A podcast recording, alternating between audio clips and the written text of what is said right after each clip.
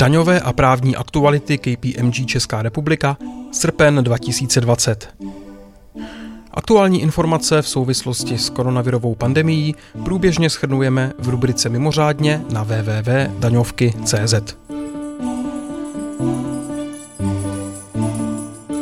Daňové novinky – Nejvyšší správní soud v přelomovém rozsudku potvrdil, že úrok ze zadržovaného daňového odpočtu ve výši 1% plus reposazba účinný od 1. ledna 2015 do 30. června 2017 je v rozporu s evropským právem. Místo něj se uplatní úrok dovozený předchozí judikaturou ve výši reposazby zvýšené o 14% bodů. Soud se tak stotožnil s argumenty KPMG, která zastupovala klienta ve sporu s finanční zprávou. Senát schválil novelu DPH pro rok 2020. Dlouho očekávané změny v DPH u přeshraničních transakcí, takzvané quick fixes, jsou tak na dohled. Účinnost novely se předpokládá od 1. září 2020.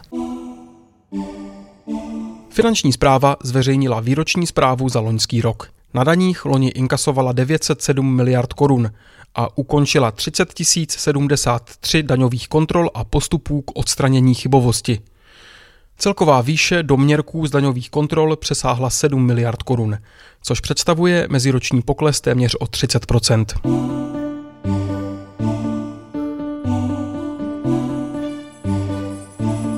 Právní novinky. V rámci novely zákonníku práce nabyl 30. července 2020 účinnosti balíček změn v oblasti vysílání pracovníků ze zahraničí. Ten přizpůsobuje českou právní úpravu novele Evropské směrnice. Změny mají zejména přispět k vyrovnání pracovních podmínek pro vyslané a místní zaměstnance. S účinností od poloviny příštího roku dojde k významným koncepčním změnám zákona o bankách a zákona o podnikání na kapitálovém trhu. Úprava dohledu nad skupinami investičních podniků, obchodníků s cenými papíry, se přesune do zákona o podnikání na kapitálovém trhu a definice banky se oproti stávající úpravě rozšíří. Soudní dvůr Evropské unie, SDEU, zrušil štít soukromí, na jehož základě bylo možné předávat osobní údaje do USA. S výhradami ponechal v platnosti standardní smluvní doložky. Podle SDEU vnitrostátní právní předpisy USA upravující přístup a používání osobních údajů předávaných z EU do USA neposkytují dostatečnou ochranu, která by měla být v zásadě rovnocená ochraně unijní. Červencový summit G20 v Saudské Arábii zaznamenal posun ve snaze nastavit globální pravidla pro zdanění digitální ekonomiky. Report ze summitu uvádí, že rozhovory o prvním pilíři by mohly být obnoveny v druhé polovině roku 2020 a konsenzus nad podobou druhého pilíře by měl být nalezen ve slíbeném termínu do konce roku 2020.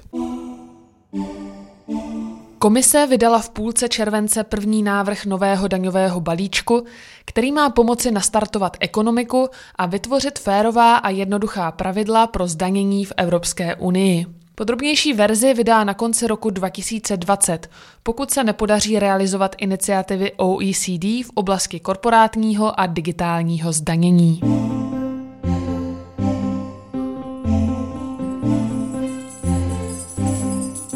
Z judikatury Soudní dvůr Evropské unie v případu BlackRock Investment Management rozhodoval v otázce, zda lze službu poskytovanou prostřednictvím IT platformy, která je využívána jak pro plnění osvobozená, tak pro plnění zdanitelná, osvobodit od DPH. Soud došel k závěru, že takovou službu nelze od DPH částečně osvobodit. Nejvyšší správní soud se zabýval vztahem mezi obecnou úpravou lhůty pro stanovení daně podle daňového řádu a její zvláštní úpravou v zákoně o daních z příjmu, a to z titulu zahájení daňové kontroly za období, ve kterém byla vykázána daňová ztráta. Podle verdiktu má zvláštní úprava lhůty pro stanovení daně přednost před úpravou obecnou. Soudní dvůr Evropské unie posuzoval případ společnosti Vodafone Portugal, která poskytovala zákazníkům telekomunikační služby za zvýhodněné ceny. Pokud zákazník smlouvu porušil, musel uhradit částku stanovenou ve smlouvě. SDEU rozhodl, že tato částka by měla být považována za součást ceny za službu a tedy podléhat DPH.